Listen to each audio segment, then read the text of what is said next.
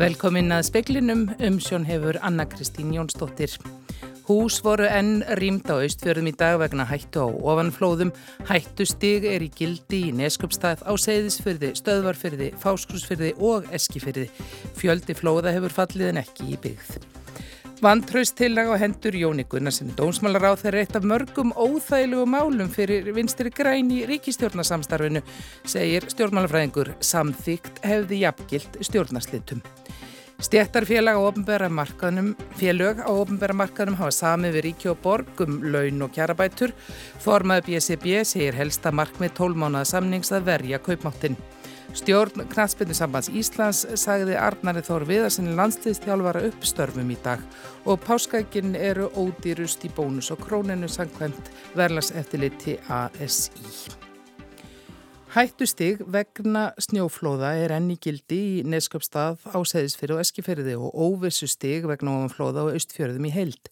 Fjöldi flóða hefur fallið í daginn þó ekki í byggðum. Hádegi fjall snjóflóður innra tröllagili niður á Varnarkelur í Neskustad og þá voru hús sem stóðu næst Varnagörðum undir öðrum farvegum rýmt. Hús voru líka rýmt á Stöðvarfyrði og Fáskursfyrði vegna hættu á krabbaflóðum og eitt hús var rýmt í Mjóafyrði morgun svo búið er að rýma á sex stöð stöðum. Magni Hrein Jónsson, fagstjóri ofanflóða eh, hjá veðurstofunni er á vaktinni. Eh, Magni, hva, hvernig er útlitið núna áfram í kvöld og nótt? Það er búið að vera úrkoma fyrir austan í allan dag, uh, svona slittaða regning á lálendi en snjókoma til fjalla. Uh, hittast í hækkar eitthvað örlítið í kvöld og nótt og fer þá að regna víðar það er áfram mikil snjófláðhætta og það er búið að grípa til viðtaka rýminga eins og það sagður í inganginum og svo er hætta á krabaflóðum þegar hittin ekst og, og verður meiri hluti úrkomunar í formi rykningar. Eins og lýsir þá hefur verið svona að hlína svolítið, það er fyrir mikil nýfallin snjór. Hvað gerist eiginlega þegar rygnir svona ofan í hann? Já, það getur sapnast upp svona krapi og, og þá myndast stíplur í, í farvegum og, og þá byggist upp krapi og það er stípli geta brostið og, og hlaupið fram í, í krapaflóðum. Það gildir sko appelsíningul veðuviðvörun til morguns á austferðunum og þess að þetta heldur áfram. Hvað haldið þið samt þetta takki langan tíma ganga yfir? Um, Það er doldið erfitt að segja. Það er úrkoma áfram á morgun og alveg fram á laugadag. En það breytist aðeins. Nú erum við með mjög viðtakar rýningar vegna snjóflóðahættu í Neskjöpstað og á Seyðisverði sérstaklega. Uh, það er svona vonandi hægt að, að draga úr þeim á morgun þegar hittast yfir orðu meira og meira í formi rykningar og, og þá jafnvel fallið flóð úr þessum farvegum, þessum öðrýmt þannig er svona vonast til þess að, að svo staða lægist varðin snjóflóðhættuna en þannig að samanskapi ekst á krapaflóðhættan en það þarf bara að meta þá morgun hvernig hún er, hvernig farvegir taka við þessu vatni sem verður á ferðinu og hvernig þeir reynsa sig. Þakkaði fyrir Magni Hrein Jónsson. Og Óðinsvann Óðinsson, frettamæður, er í Nesköpstað þar sem að, eins og hefur við verið lýsað, það er náttúrulega mjög mikil stjór og fjelluflóðar áfram í dag, þó ekki færi inn í hús. Óðin, hvernig er bara veðrið þarna á staðinu núna? Já, sko, í, í stuttum álum að segja að það sé bara hundleðilegt veður. Það er rennblöytt og gengið á með svona rigning og slittu í allan dag og náttúrulega vegna þessa mikils, þessa úrkomi sem við verið hérna síðustu dag í formi snjókomi þá er alltaf floti, allar götur með, með örglega 10-20 cm vatni á mjög mörgum stöðum þannig að já, það, það, það er blökt hér, hér í Neskvistad allavega. Þú hefur verið svona svolítið á ferðin hérna í dag, hvernig ber fólk sig í, þessum kringustæðum sem er núna búið að vera alveg frá því upphæðu vikunar? Sko mér finnst fólk bera sig bara ótrúlega vel. Það er, það er mikil samstafa meðal fólksins og, og, og við höfum hérna það sem fólk fer í hátdegismat og morgum og það er allir að taka þessu með stóiskri ró en auðvitað sér maður að fólk eru þreytt á ástandinu og, og eðli málsins samkvæmt er þetta farið að taka í en ég er ekki að sjá á fólki að sé neinn frustrasjón. Það er bara allir í þessu, þessu saman hérna, finnst mér sko. Er margir enn í, sko, það er náttúrulega fjölmargir sem ekki geta farið heim til sín, er einhverjir ennþá í fjöldahjálpstöðun? Sko við hefum ekki farið þángan eitt síðan í morgun og þá voru nú bara ekkert vola margir þar en sko ég held að flestir hafi nú geta komist inn einhver staðar hjá ætingum eða, eða á, á gistiheimilum hér í bænum en, en það eru væntalega ennþá einhverju sem þurfa að vera þar í nótt, gerir ráð fyrir. Þakkaði fyrir þetta Óðinn Svann Óðinsson og við fáum að heyra meira frá Nesköpstað í kvöldfrættum sjónvarps og í Kastljósi í kvöld.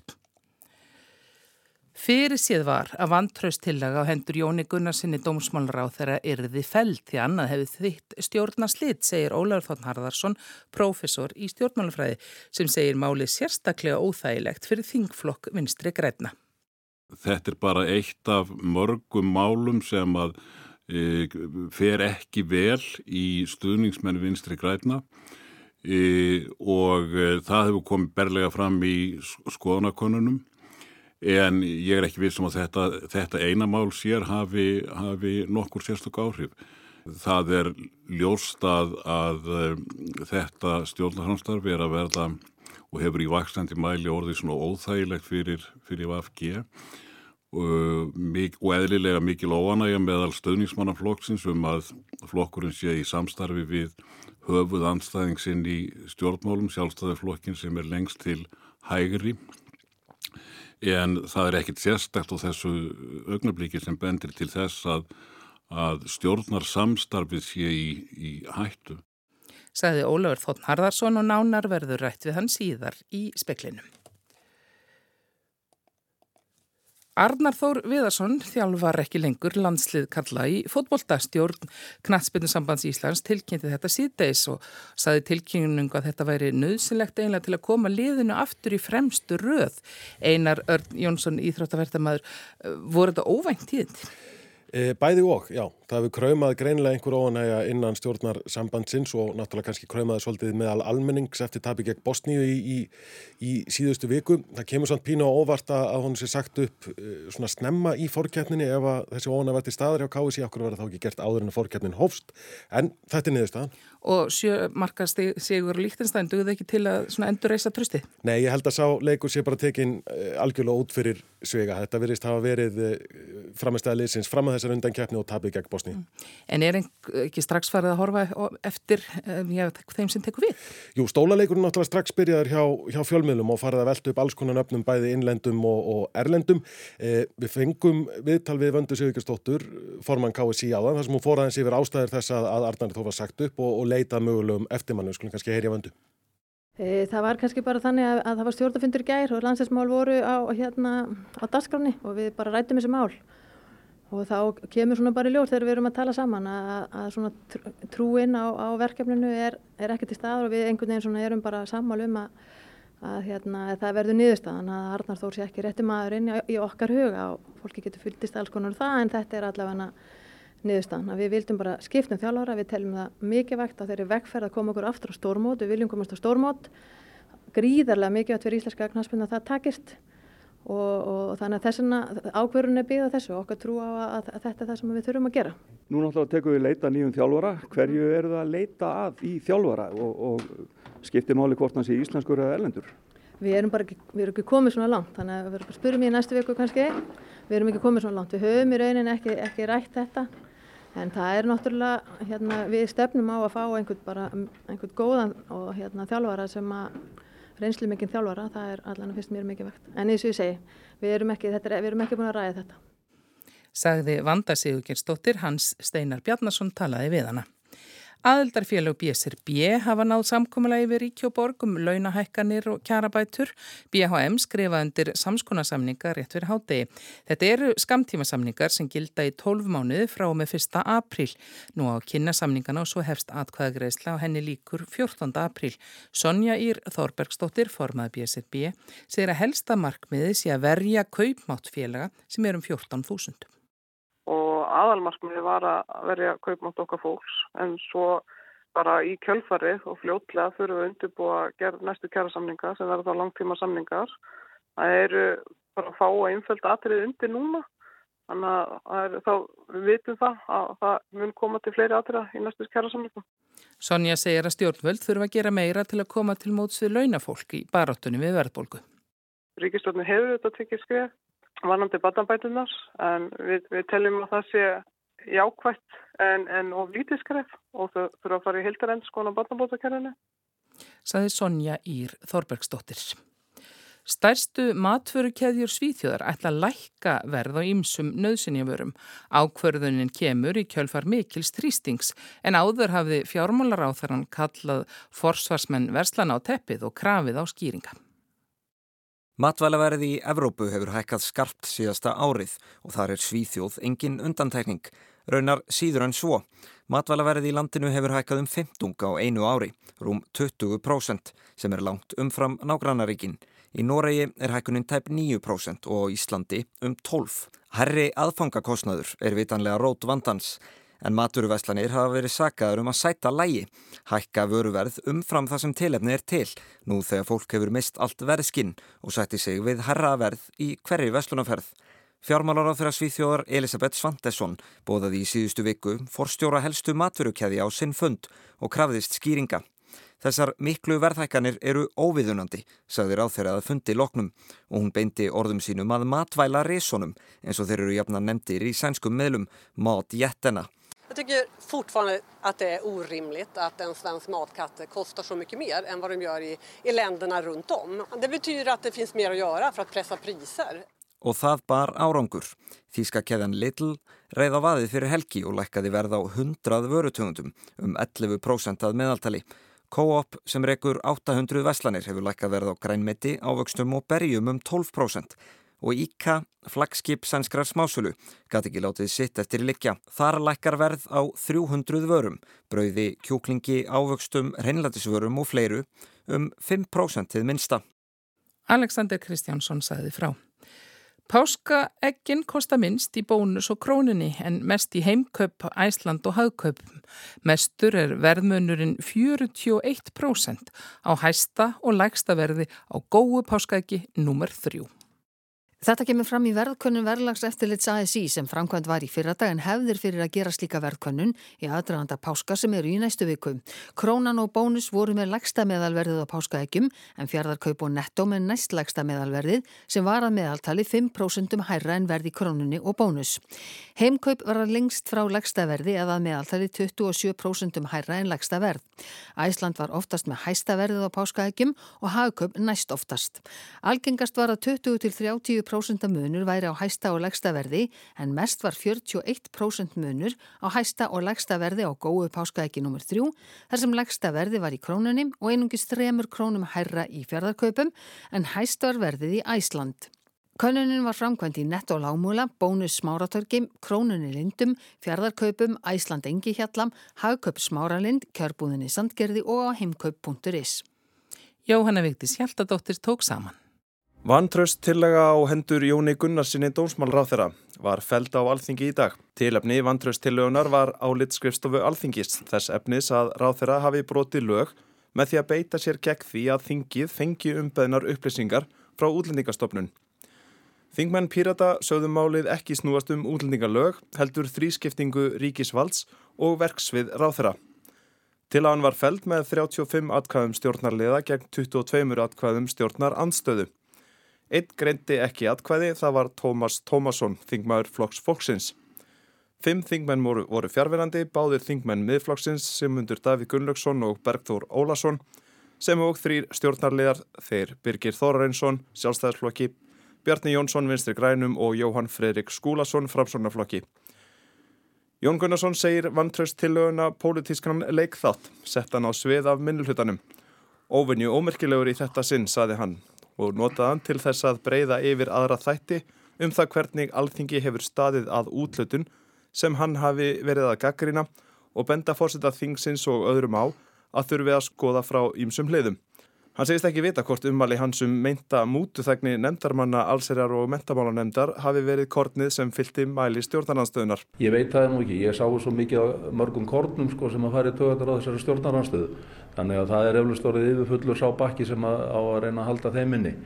En uh, ég menna, ég var bara að byggja um það að fórseti tæki það til skoðunar, hvernig staðið er af þessu og hvort að það gæti verið rétt sem að var hér orðrómur um í þinginu að uh, þingmaður sem að er í útlutuna nefndinni þar að segja þessari þryggja manna nefnd sem vinnur umsóknir sem koma til þingsins hafi verið að starfa áður fyrir umsækjandur og kemur síðan hinnum yfir borði og tekur umsóknir eða ríkisborgarar rétt til umfjöldunar á þess að greina fyrir því, greina frá því.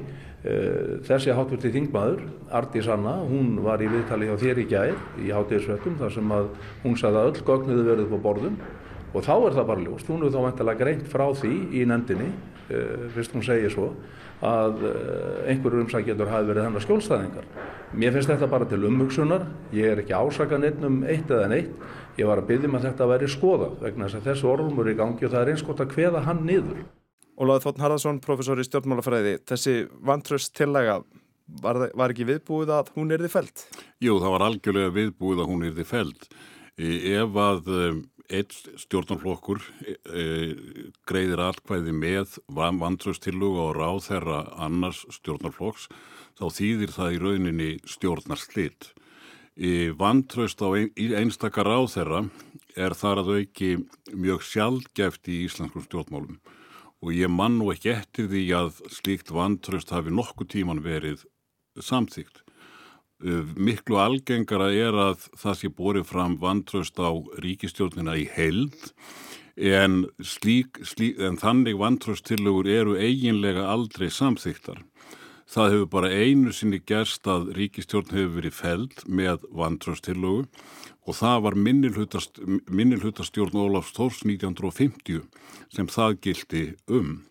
Hins vegar má líka bæta við að tviðsvarsinnum 1931 og 1974 þá var ljóst að vantrausttillaga sem búi var að leggja fram á ríkistjórnina yrði samþygt af meiriluta þingsins en í bæði skiptin kaus fórsetisráðurann að láta rjúfa þingið þannig að þessar vantrústillúgur komu aldrei til atkvæða. Mm -hmm.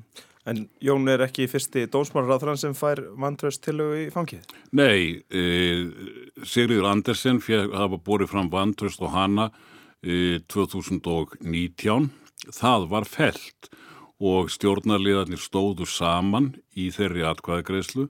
Það var nú vitað á þeim tíma að, að, að, að þetta mál var svona frekar óþægilegt fyrir rýmsa þingmenn vinstri grætna en þeir e, ákváðu að standa með stjórninni og forðast stjórnarslill.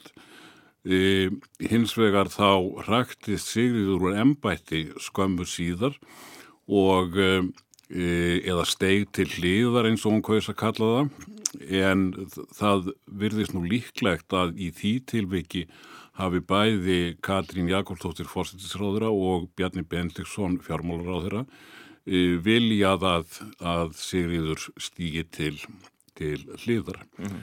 e, síðan má nefna líka að, að Hanna Birna, Kristjánsdóttir sem var dómsmálaráðura sem þá var í innaríkisráðunitinu, hún sagði af sér 2014 eftir harkalega gaggríni vegna lekamálsins. Hún fikk ekki á sig vantörstilögu. Það var reyndar, þingflokkur sjálfstæðiflokksins hafði hins vegar líst yfir fullu trösti á hana rétt áður hún og sagði af sér. Þannig að hún segir í rauninni af sér af, af að eigin, eigin frumkvæði. Mm -hmm. En Jón er sem sé þriðji dómsmólar á þeirra sjálfstæðiflokksins á tæpum áratug sem lendir í svona stórsjóum sinnar tíðar og það er dálítið aðtilsvert. Mm -hmm. Þessi vantröðstela, hvað þýðir þetta svona fyrir hans stöðu í ríkistjórninu og fyrir stjórnaflokkuna ef eitthvað? Ég er nú ekki vissum að þetta þýðir, skiptir miklu máli fyrir hans stöðu. Hann hefur verið í stórsjóum, eh, hann var nú hálfpartin að byggast afsökur á umælinn sínum í þinginu núna bara fyrir fáinum dögum Og þar að auki var því líst yfir þegar þessi stjórn tók við að Jón myndi láta af ráþæra ennbætti eftir áttján mánuði og Guðrún Hafstensdóttir taka við. E, þannig að í rauninni þá virðist það nú bara vera dagamál e, ef að fari veður eftir þessari yfirlýsingu Bjarnar Bendissonar hvenar, hvenar Jón lætur af, af ráþæra ennbætti. Mm -hmm. Ég held að þetta hafi sjálfistur engin sérstokk áhrif á stjórnarsamstarfi, það, það, það, þetta er eins og ég segi, þetta er óþægilegt fyrir Vafki en, en þau sigla bara í gegnum þetta. Mm -hmm. Jón Ánum spurur að því í dag hvort að það væri búið að búa það hvort að það ætti að fara að skipta honum út eða hann vildi ekkert kannast við það en stjórnarnarstaðan hún heldur því fram að, að þetta mál allt að þetta sé bara gethóta ákverðin hjá, hjá Jóni og það að ákverðinir hans standi óhaggar sendi þau skilabóð út í samfélagið að ráð þeirra sé hafin yfir lög og reglur og framkoma hans eh, vegi að þrískiptingu ríkisvaldsins og þingræðinu og að þingheimur get ekki látið það kert likja. Er eitthvað til í þessu? Er ráð þeirra að fara á sveigveil lög með eitthvað með þetta? Já, þetta er, er náttúrulega eðlilegt að stjórnar anstæðan haldi þessu fram. Í, hins vegar, og ég vil nú ekki ekki skorin eitt úr um það hvort að það sé rétt að Jón hafi brotið lög eða ekki. Það kom fram í umræðinum í dag meðal annars hjá Karínu Jakobsdóttur Fossilsáðura að hún telur að það sé álitamál, lögfræðilegt álitamál hvort að Jón hafi brotið lög eða hvort að hann hafi ekki brotið lög. Þannig að þetta er nú svona mál þar sem að eh, er erfitt að kveða upp eh, stóru dóma fyrir einhvern svona utanakomandi. Mm -hmm. Það er nú veintalega nógu erfitt fyrir lögsbyggingana. Akkurat. Vinstri græn þau berjast í bökkum þessa dagana, fylgið þeirra hefur hríðfallið. Gæti þetta mál haft ykkur áhrif það, áhrif, áhrif á það og stöðu ríkistöndarsamstafsins heldur? Nei, þetta ekki, e, í sjálfu sér ekki. Þetta er bara eitt af mörgum málum sem að e, fer ekki vel í stuðningsmenn vinstri græna e, og e, það hefur komið berlega fram í skoðanakonunum en ég er ekki vissum að þetta, þetta eina mál sér hafi, hafi nokkur sérstök áhrif. Það er ljóst að, þetta stjórnarhanstarfi er að verða og hefur í vakstandi mæli orðið svona óþægilegt fyrir, fyrir VFG og, eðlilega mikil óanægja meðal stöðningsmannaflokksins um að flokkurinn sé í samstarfi við höfuð anstæðingsinn í stjórnmálum, sjálfstæðiflokkin sem er lengst til hægri. En það er ekkit sérstækt á þessu augnablíki sem bendir til þess að að stjórnar samstarfið sé í, í hættu. Vinstri græn hafa náttúrulega lagt á það áherslu með þessari stjórnarþáttöku að þau vilji stöðuleika í íslenskum stjórnmálum og hafa í rauninni með verkum sínum lagt áherslu á það að þau síu það sem stundum er kallað stjórntækur flokkur og það er erfitt fyrir slíkan flokk að hlaupa frá borði í, í, í miðri miðri siglingu. Mm -hmm. En hefðu það geta styrt stöðu flokksins ef að þau hefðu satt bara hingað ekki lengra og, og greitt aðkvæði með þessari tilvæg? Það er erfitt að segja að ég held að það sé alveg ljóst að megin ástafan fyrir því að þeir hafa áttundur högg að sækja í skoðanakonunum er þetta stjórnarsamstarf en ekki neitt annað. Að þýleitinu væri hendura fyrir þá, fylgislega, líklega, að vera í öðru stjórnarsamstarfi hvort að það að, að yfirgefa stjórnina núna myndi uh, laga þeirra stöðu er allsendir svo víst ef að vinstri græn ákvæðu að yfirgefa þetta stjórnarsamsvar núna þá er lang líklegast að í framhaldi af því eruðu kostningar búaðar, það eru þingróf og kostningar og þá hefðu nú vinstri græn freka lítinn tíma til þess að uh, reyna að resa upp á fylgið sagði Ólafur Þóttn Harðarsson, Bjarni Rúnarsson rétti við hann.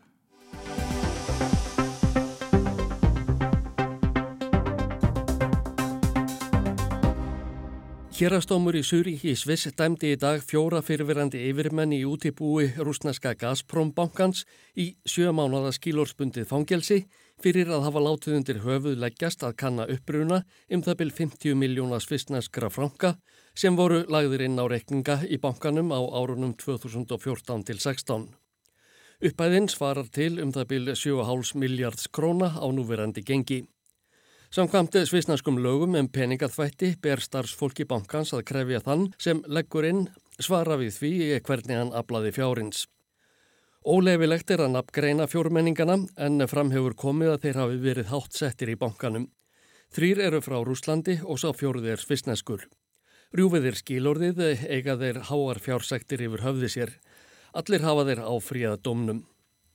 Sá sem lagði peningana inn í Gazprom bankan í Surík er rúsneskur selvoleikari og hljómsveitarstjóri Sergei Roldúkin að nafni.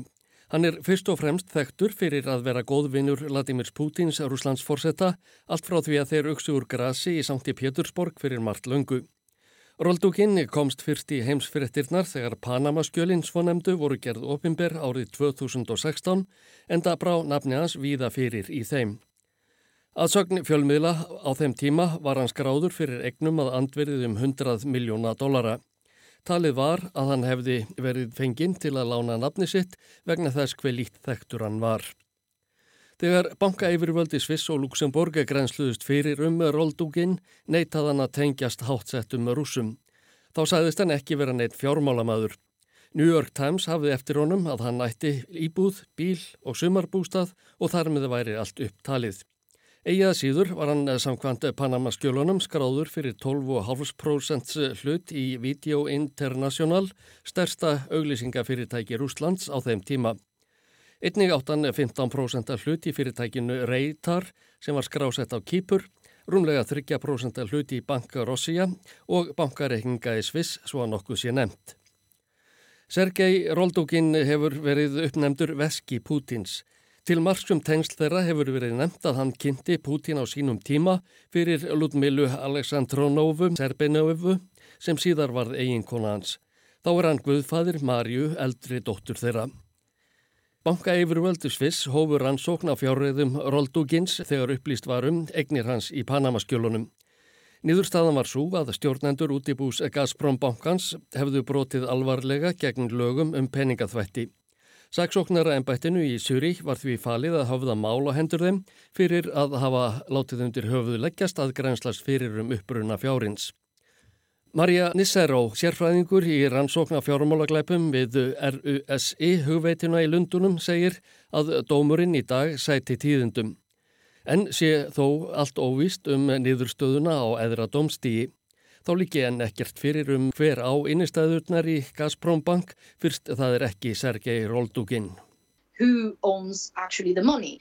So that would be probably up to the investigators, the Swiss investigators, to trace the ultimate beneficial owner, which in many cases, as we know, uh, it's, it's quite complicated because it's often hidden behind a very complex structures of, of shell companies. Hver á peningana er raun og veru, spyrir Marja Nissero.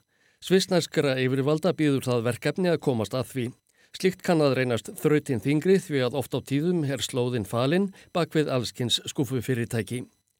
Mark Piett, fyrirverandi professor í refsirétti við háskólan í Basel, segir í viðtali við svisnaska dagblæði Takes Andsækar að dómurinn í dag síni að í raun og veru séu þeir sem næstir standa Vladimir Putin ekki ósnertanlegir. Loksins hafi eitthvað gerst sem hægt séð að hrósa svisnaska dómskerfinu fyrir.